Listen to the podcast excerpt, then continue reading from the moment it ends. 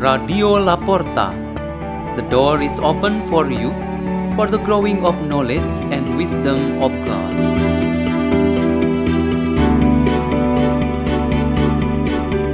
by Andrew Lazaro from the parish of Santa Maria Ratu, Block Q, Jakarta.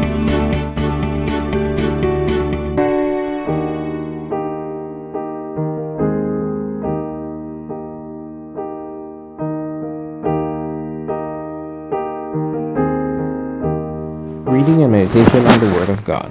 Monday of the 29th week in Ordinary Time, 19th October 2020.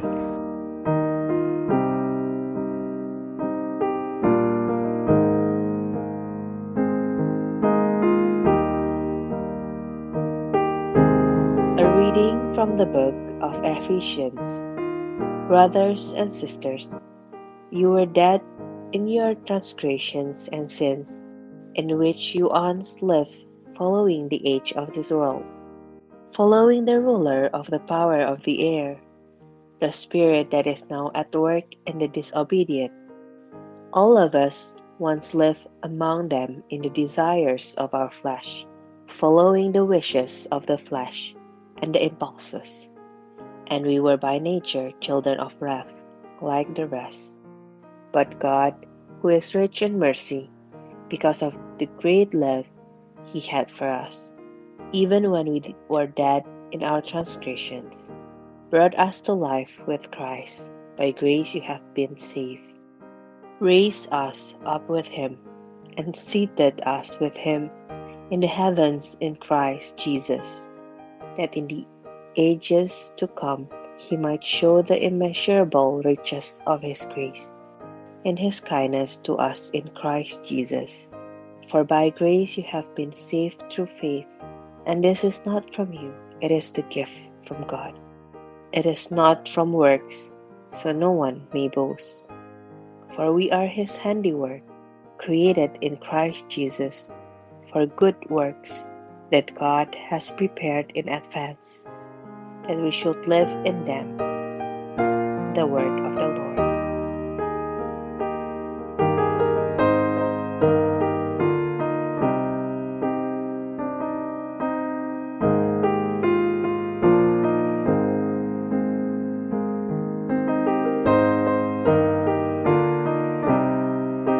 The theme for our meditation today is Our Place with Christ in Heaven.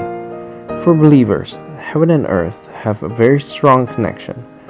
Their lives must not just stop in the world, but must continue to eternity in heaven.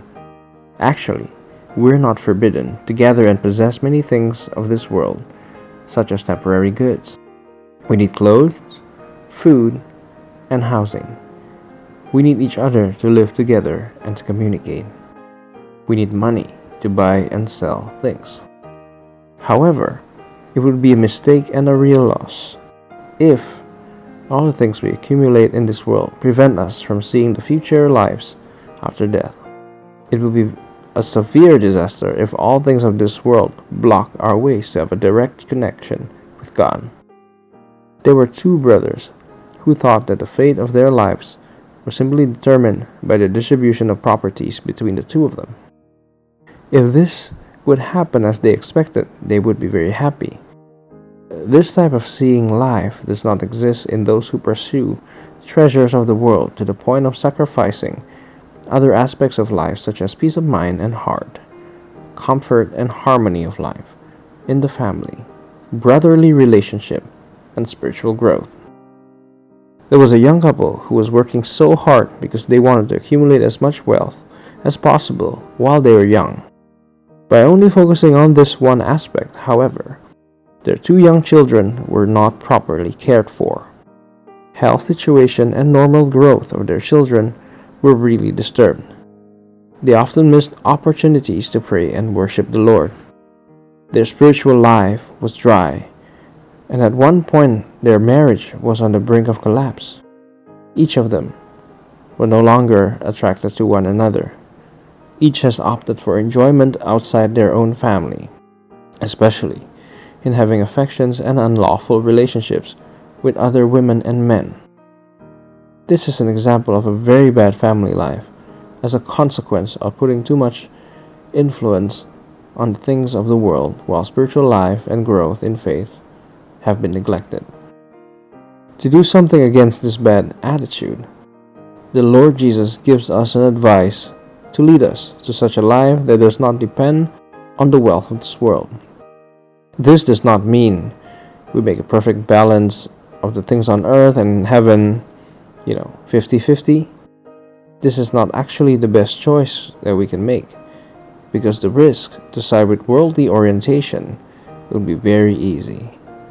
It is better if we make the orientation towards heaven bigger, starting with 50% upwards.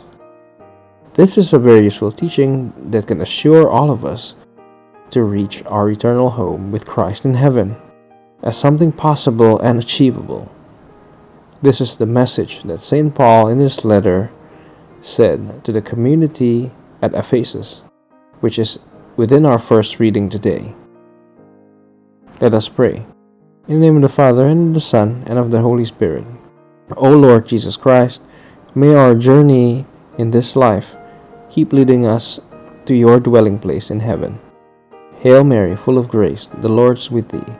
Blessed art thou amongst women, and blessed is the fruit of thy womb, Jesus. Holy Mary, Mother of God, pray for us sinners, now and at the hour of our death. In the name of the Father, and of the Son, and of the Holy Spirit. Amen. Radio La Porta. The door is open for you.